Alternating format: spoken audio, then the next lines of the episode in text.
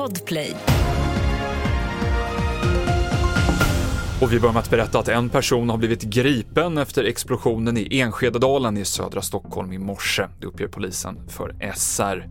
Ingen skadades i detonationen vid ett flerfamiljshus och det hela tros vara en del av den pågående våldsvågen.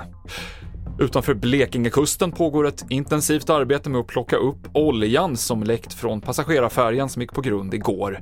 Imorgon väntas betydligt svårare förhållanden, så det är en kamp mot klockan och vädret.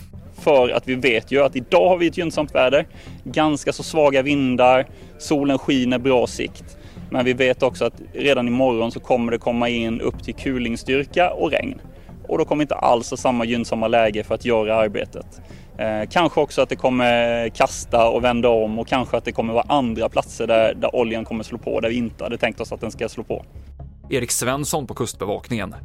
Och världens äldsta hund är död. Tidigare i år prisades 31-åriga Bobby från Portugal av Guinness rekordbok som den äldsta hunden genom tiderna. Men nu rapporterar Sky News att Bobby inte finns med oss längre. Vi avslutar TV4-nyheterna.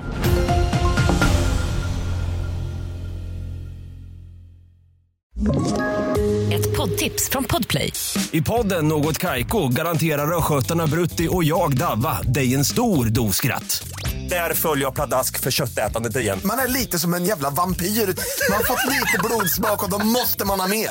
Udda spaningar, fängslande anekdoter och en och annan arg rant.